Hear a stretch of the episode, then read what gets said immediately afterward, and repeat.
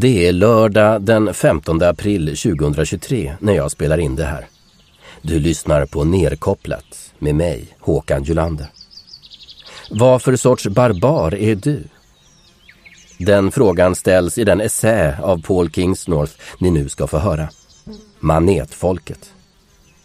I texten ställs frågan hur vi moderna människor i våra postindustriella civilisationer kan leva så fritt som möjligt. Den vänder sig bort från utopier och föreslår istället att vi gömmer oss undan radarn så gott det går.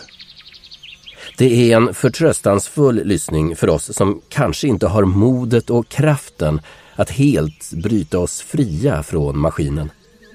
Vi får göra så gott vi kan. Och likt undanglidande maneter undvika assimilering med en digital diktatur. Vi måste vara anarkister och våga ge och känna tillit. Vi måste alltid utgå från vad som finns inom oss. Vilka är vi? Hur vill vi leva? Hur fri är min tanke? Så lägg ner DN, SVT, Netflix och P1. Det är bara propaganda som passiviserar din ande. Lyssna på Nerkopplat istället och Jesper Jäderqvists översättning av Paul Kingsnorths essä The Jellyfish Tribe, Manetfolket.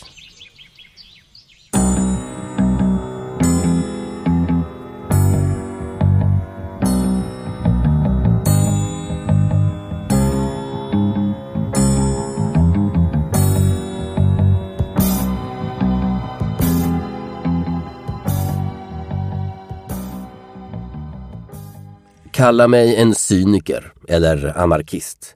Ibland är jag både och. Men i dessa tider finner jag det omöjligt att lita på det som bär maktens sigill. Faktum är att jag instinktivt avfärdar det jag läst eller hört så fort jag blir informerad om att en expert, en statssanktionerad auktoritet, ett vetenskapligt organ eller etablerat medieföretag har citat faktagranskat informationen. Jag tar inte detta i försvar. Helst skulle jag inte vilja reagera så. Men jag vet att det är en allt vanligare reaktion, till och med och kanske särskilt bland människor som från födseln har fått lära sig att lyda. En gång var jag en av dem. Jag är en brittisk förortskille ur medelklassens generation X som uppfostrades att tro på systemet och att det mestadels var rättvist. Åtminstone för folk som mig.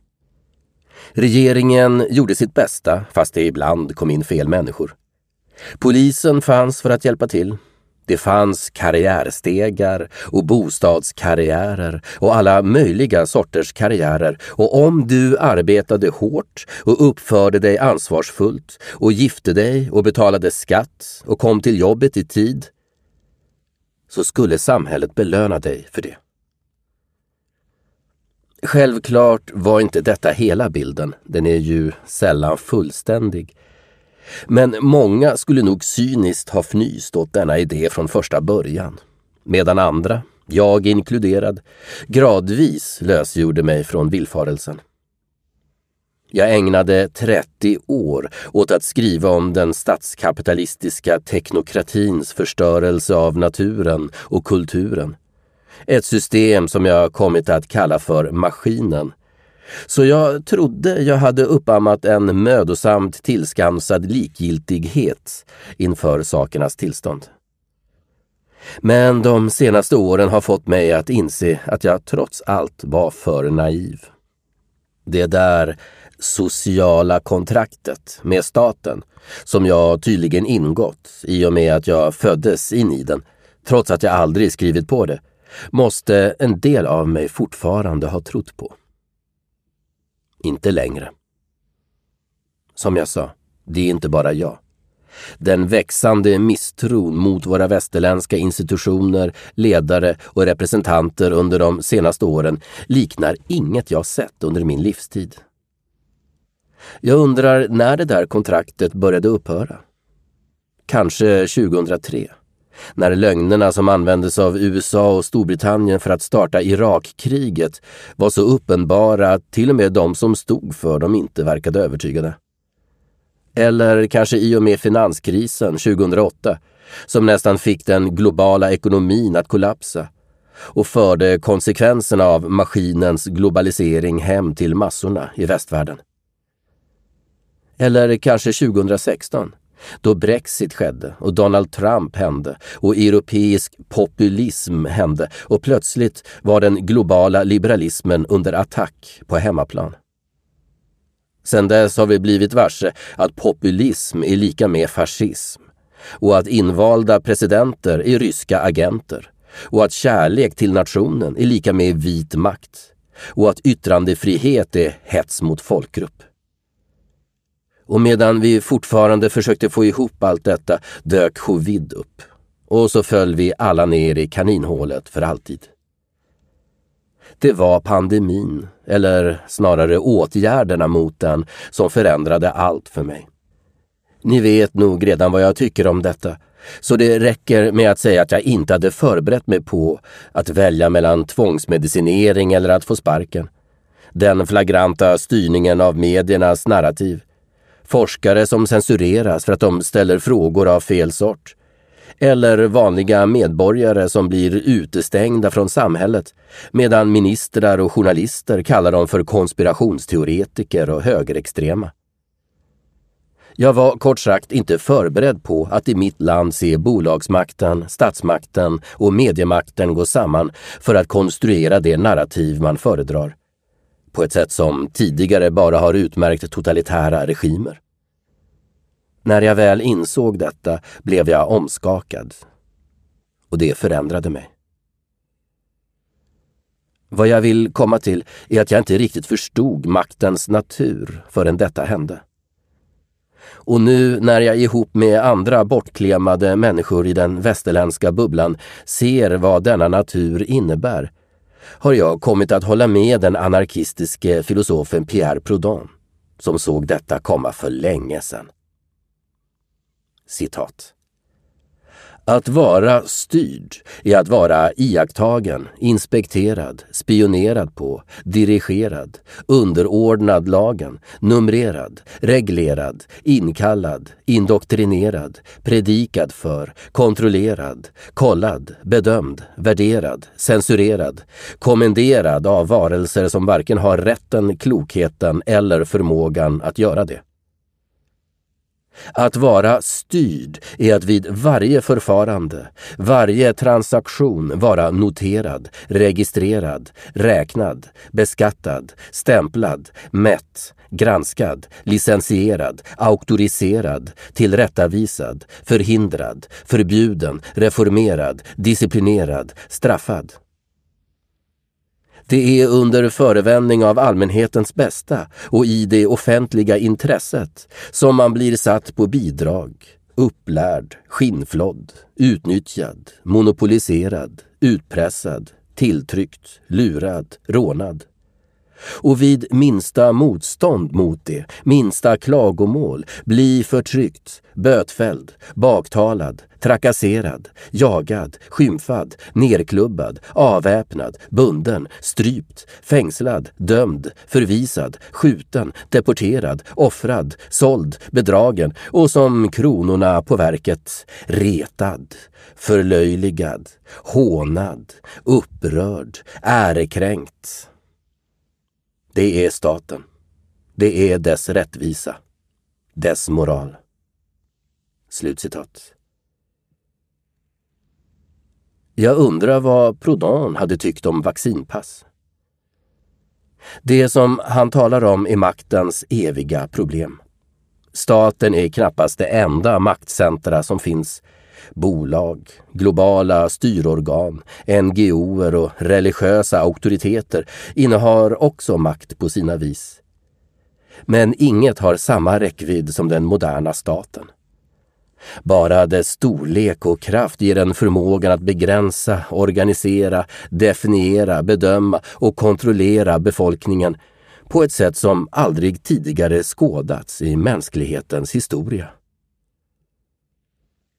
Statens rörelseenergi strävar alltid mot centrum, alltid mot ansamlande av mer makt.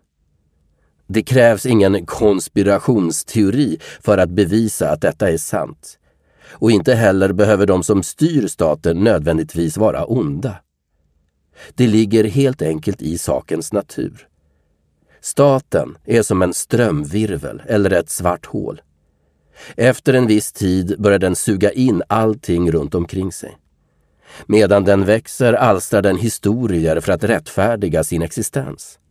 Demokrati, frihet och framsteg är några av de senare banderollerna som statsmakten slutit upp bakom. Men andra har funnits. Rasmässig eller etnisk homogenitet. Mänsklig jämställdhet. Religiös renhet. Alla dessa berättelser har förmågan att ena ett folk runt statens kärna.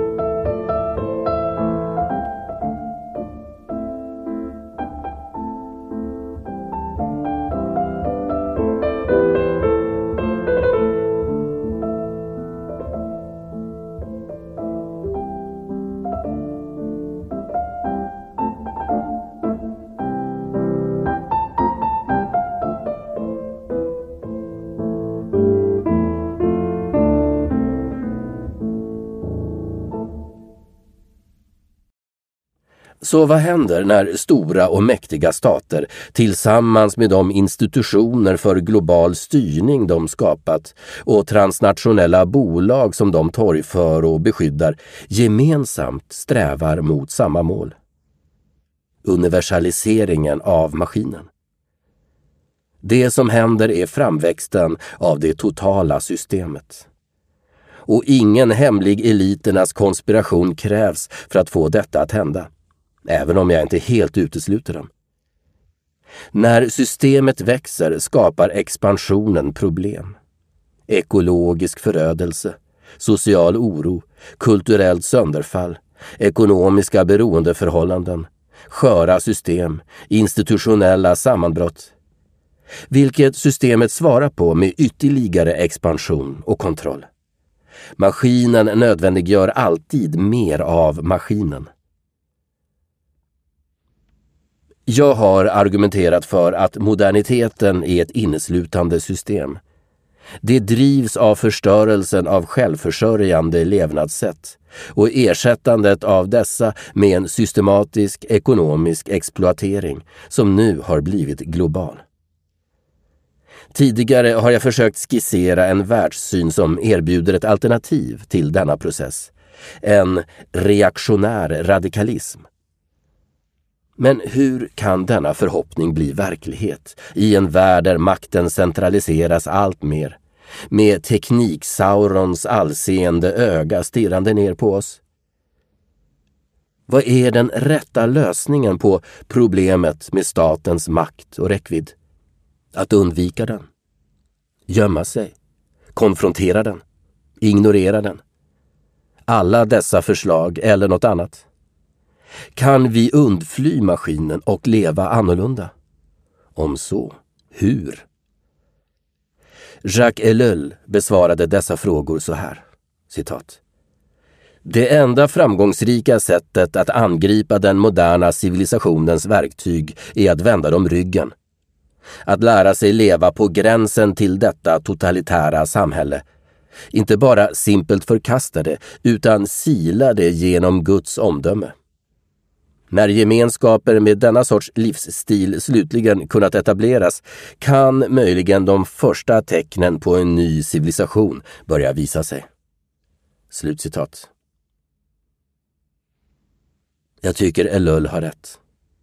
Maskinen kan inte bekämpas öga mot öga, men den kan kringgås under vissa förhållanden. Du kan finna din flyktväg. Det finns många sådana vägar, men vi måste alla överväga en realitet.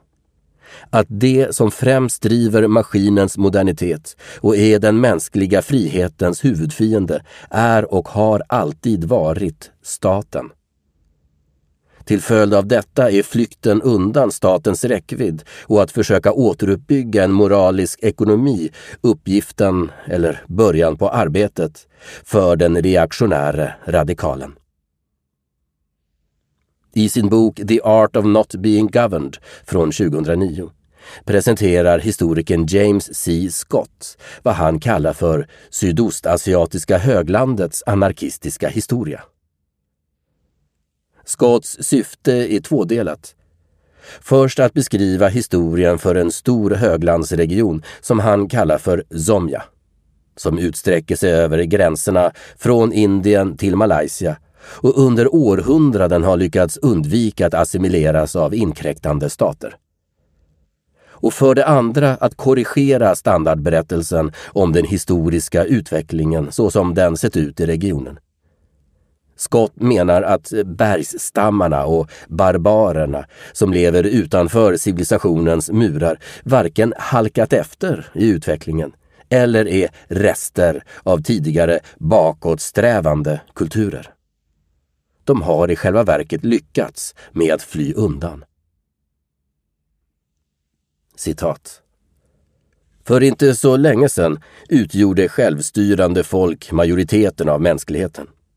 Idag ses de av dalgångarnas kungadömen som våra levande förfäder, hur vi levde innan vi började odla ris, idka buddhism och civilisation. Jag motsäger detta och hävdar att bergsfolken bäst uppfattas som förrymda, jagade, isolerade samhällen som under 2000 år flytt undan dalgångarnas statsförtryck. Slaveri, värnplikt, beskattning, tvångsarbete, epidemier och krigföring. De flesta områden där de uppehåller sig kan lämpligen kallas för brytzoner eller tillflyktsorter. Slutcitat. Scott hävdar att genom historien har flykten från statens långa arm varit en vanlig strävan och att vissa kulturer har utvecklat sofistikerade levnadssätt i svårstyrda brytzoner för att undvika statlig assimilering.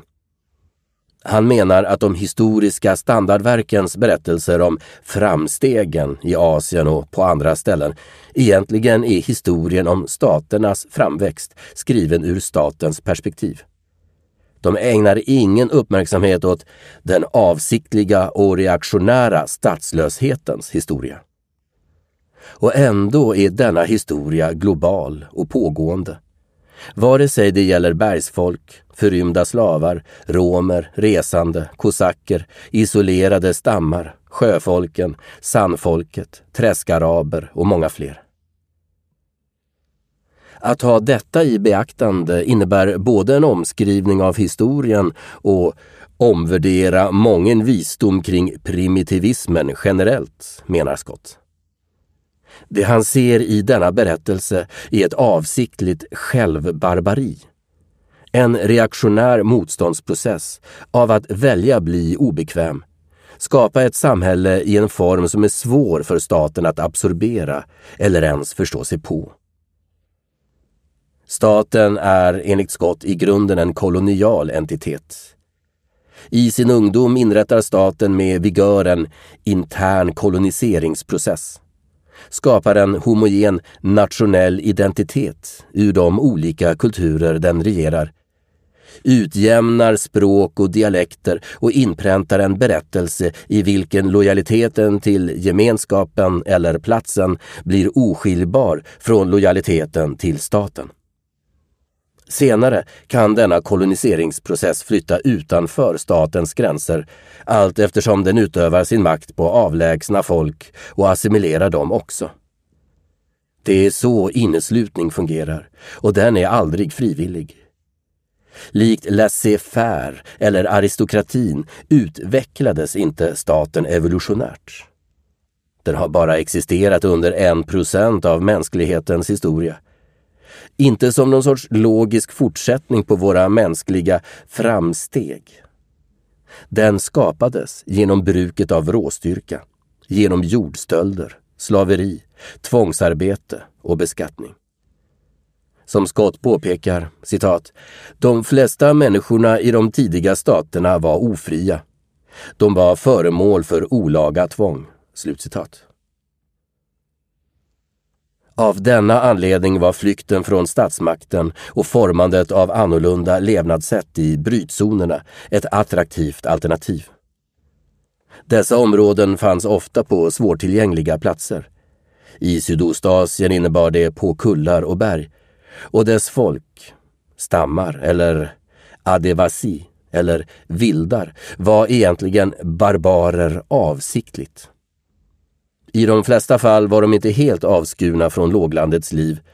Stamfolken i Asien bedrev ofta handel med exempelvis urbana centrum och kunde också bedriva röveri mot dessa om de fick chansen. Men de höll avstånd. De var på sin vakt mot det statliga maskineriets inneslutning. Allt eftersom staterna i Asien växte pådyvlades de annorlunda folken den dominanta etniska gruppens religion, kultur och ekonomiska praktik. Vare sig de var thailändare, burmeser, hankineser eller vietnameser. Och när kolonialister från Europa anlände till Asien fortsatte de bara processen med en ny kulturell kryddning. Den officiella religionen blev då kanske kristendom istället för buddhism och civilisationen blev brittisk snarare än en kinesisk sådan. Men för folken i periferin var skillnaden minimal. Den brittiske imperialisten Sir Stamford Raffles talade inte bara för sin härskarinna utan för den koloniala statens tankesätt, vilket också är maskinens tankesätt, när han skrev citat här är jag enväldets förespråkare. Maktens starka arm är nödvändig för att ena människor och samla dem i samhällen. Sumatra är till stor del befolkat av oräkneliga småstammar som inte lyder under någon allmän regering. För tillfället vandrar människor omkring i sina vanor likt fåglarna i luften och innan de har församlats och organiserats under någon sorts auktoritet kan inget göras med dem. Slutcitat.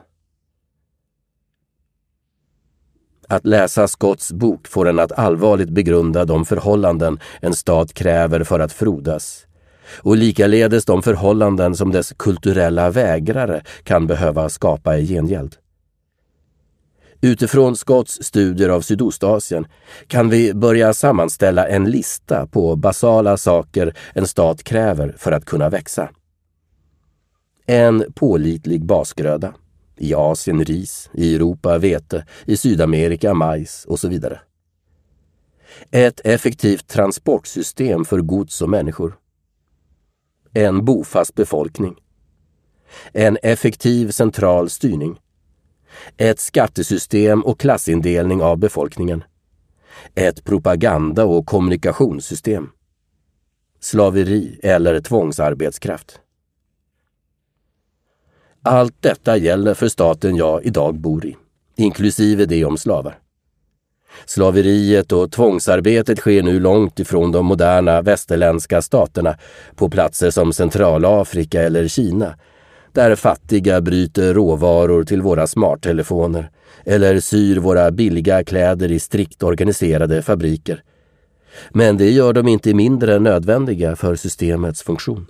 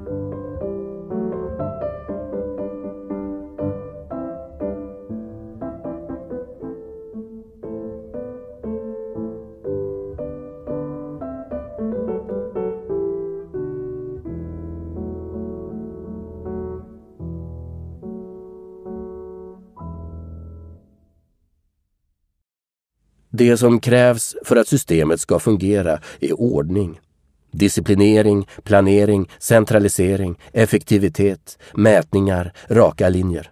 Detta är stoffet i maskinen. De som flydde till Asiens brytzoner för att inrätta vad Scott kallar för områden för kulturell vägran gjorde det för att undvika assimileringen till denna världsåskådning. I praktiken innebar detta framväxten av kulturer som nästan var raka motsatsen till dalgångarnas stadskultur. Enligt Scotts mening formade brytzonernas bergsfolk kulturer som avsiktligt var svåra för låglandets makt att nå utifrån några utmärkande drag. Ett svårtillgängligt landskap, krångligt för centralmakten att komma åt. Skiftande, varierande grödor och jordbrukssystem. Småskaliga samhällen, ekonomier och kulturer. Ingen anhopning av makt i stor skala. En rörlig befolkning beredd att flytta vid behov för att undvika assimilering. Flytande sociala strukturer med icke fasta och skiftande etniciteter, karaktärer. En möjliggörande, förenande, spirituell och kulturell berättelse. Möjlighet att splittras till ännu mindre grupper, exempelvis hushåll, och skingra sig om nödvändigt. Nätverkssamhällen kommunikation och samarbete mellan skingrade grupper. De sista två punkterna är kanske hemligheten. Lokala kulturer med möjlighet att skingra sig kan vara nästan omöjliga att erövra. Under 1890-talet fann britterna det oerhört svårt att besegra Kachin och Palaung-folken i Zambia på grund av den svåra terrängen och deras anarkistiska sociala strukturer.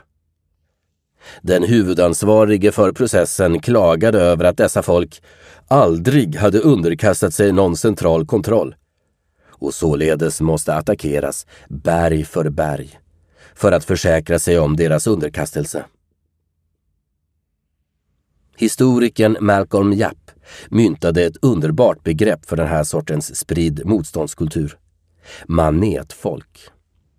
Med Scotts ord är manetfolkens liv citat, ett sätt att försvara sin kulturella och ekonomiska autonomi genom att sprida ut sig och eller ändra strategi för uppehället. Göra gruppen osynlig eller oattraktiv för erövrare. Slutcitat. Nordafrikas berber som stod inför kolonisation av araberna hade sitt eget sätt att säga det på. Uppdelat var det det som inte kan regeras. Louis Beck, som studerade stamkultur i Iran, pekade på samma taktiker där. Citat. Stamgrupper växte och krympte.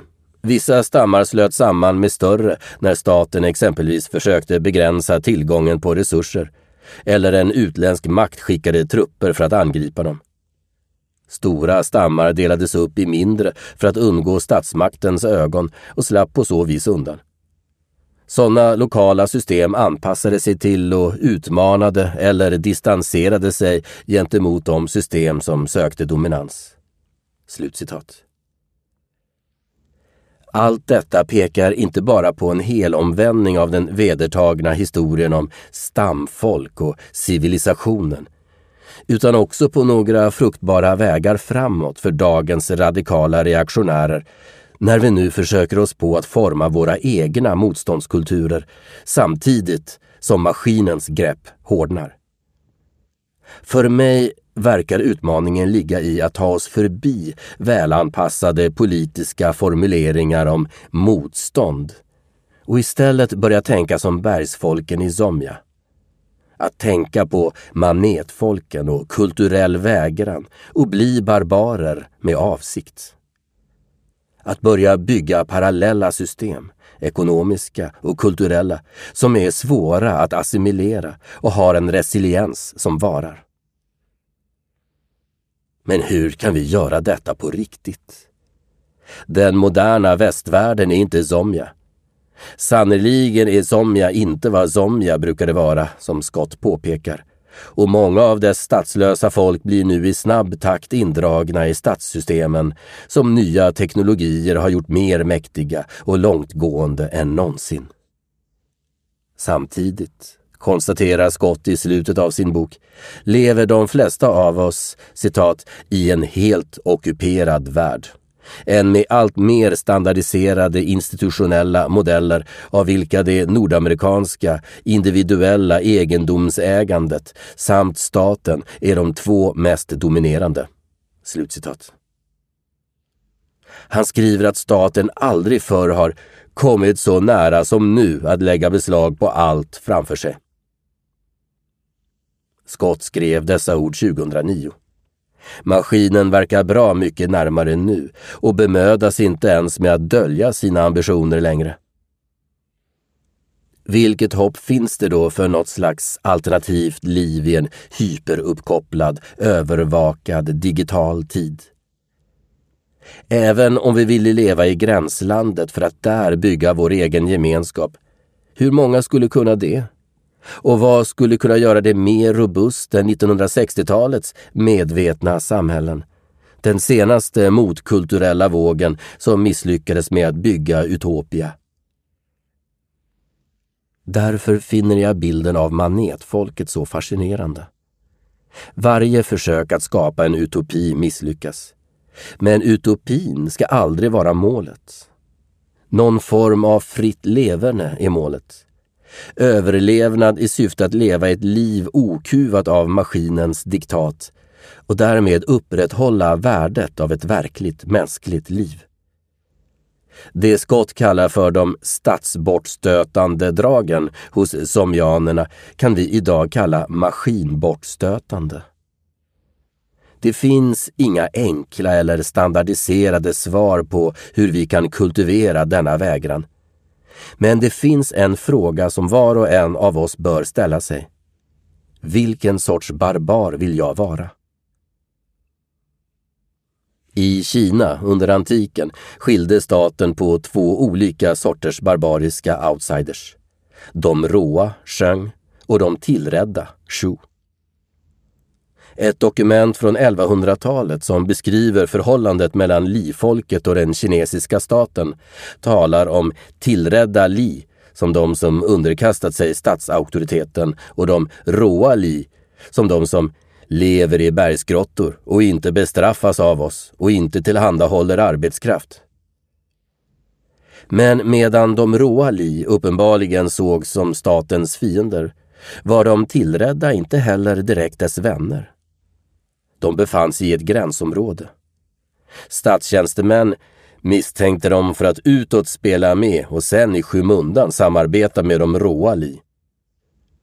De råa barbarerna levde utanför murarna och de tillredda innanför, men ingen av dem kunde makten lita på. Så vad vi ser är två potentiella flyktvägar från maskinkulturen. En på utsidan och en på insidan. Brytzonerna måste inte bokstavligen finnas i bergen. De kan finnas i våra hem och till och med inom oss själva. Mitt hjärta svallar över när jag hör om något avlägset kloster eller överlevande ursprungssamhälle utan tillgång till internet eller ens elektricitet. Vars folk precis vet var de står, utanför maskinen, närmare sin själ och skapelsens erfarenhet. Sådana platser är de råa barbarernas verk och vi behöver fler av dem. Men de flesta av oss är tillredda barbarer. Vi är i varierande grad i maskinen men inte för den. Kanske ser vi på utsidan ut som mönstermedborgare. Men om vi förenar oss likt ett manetfolk kan vi börja lösgöra oss från maskinen samtidigt som vi skapar alternativ. Många människor gör redan det. De bygger kulturer inom kulturen. Parallella ekonomier och levnadssätt. Som små gnagare som obemärkt springer omkring fötterna på en Tyrannosaurus rex kan vi bygga våra små egna världar på marginalen och vänta på meteoren, vilken vi redan kan se komma genom maskinmodernitetens inneboende ohållbarhet. Gnagarna attackerar inte dinosaurierna och väntar inte heller på att de ska dö ut. De undviker dem bara så gott de kan och fortsätter hålla på med sitt. Det Scotts bok framförallt visar är att spänningen mellan expanderande maktcentra och fria folk är evig och oupphörlig. Genom vår historia löper ett pågående flöde av assimilering och uppbrott, sammanslagningar och kollapser. Det har aldrig tidigare funnits något system så stort, överväldigande, inhumant som vår teknologiska modernitet. Och ändå opererade det antika Rom, Babylon och Han-dynastin i Kina enligt samma principer. Brytzonerna som uppstår i motståndet är ibland geografiska, ibland psykologiska och andliga och ofta alla på samma gång. Idag finns vissa av dessa brytzoner åtminstone delvis på nätet. Och trots min egen instinktiva ludism så har jag tvingats erkänna att dessa är mötesplatser för folk som är emot maskinen, som kanske aldrig kommer ses i verkliga livet. Jag måste också erkänna att användandet av maskinens teknik för att göra motstånd kan vara till fördel, även om det också kan vara en fälla. Det blir svårare och svårare att finna en tillflyktsort. Men människor är påhittiga. Vi finner alltid skrymslen, utanför eller innanför. Och det finns oräkneliga sätt som kulturellt motstånd praktiskt kan manifesteras i våra vardagliga liv.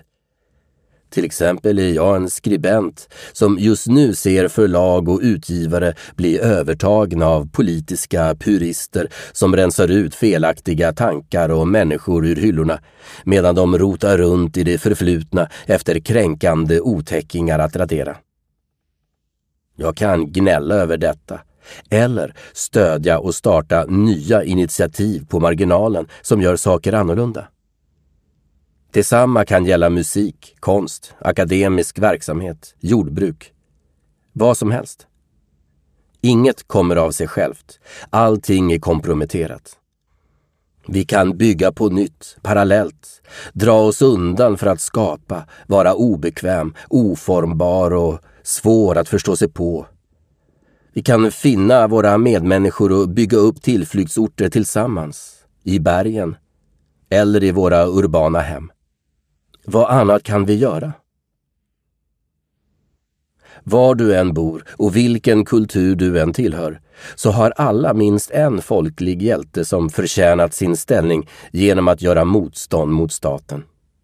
Folkhjältar har för det mesta gjort det, vilket säger oss något om statens och folkets historiska relation. Här på Irland är så gott som varenda historiska figur klädd i en statsfientlig skrud. Men i England finns det också hundratals pirater, stråtrövare, laglösa och rebeller att välja mellan. Vi känner alla till namnet på den mest kände. Englands skuggjag, Robin Hood, som virvlar fram i sin brytzon Sherwoodskogen med sitt gladlynta band av rövare som vägrar underkastelse. Det är inte det sämsta att hitta vår egen skog och där formera oss i skydd av stora, uråldriga ekar.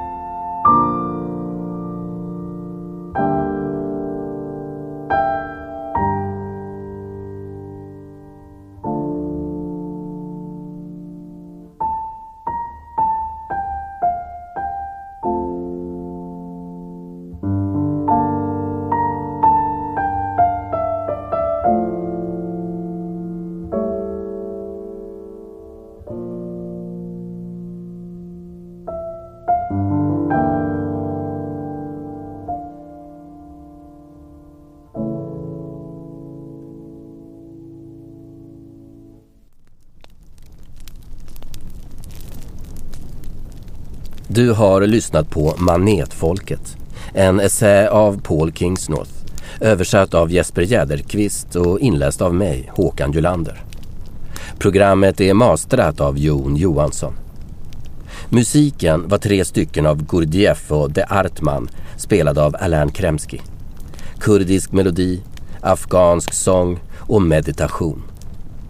Nerkopplat är en analog abstinens efter sanningen bakom digitala dimridåer.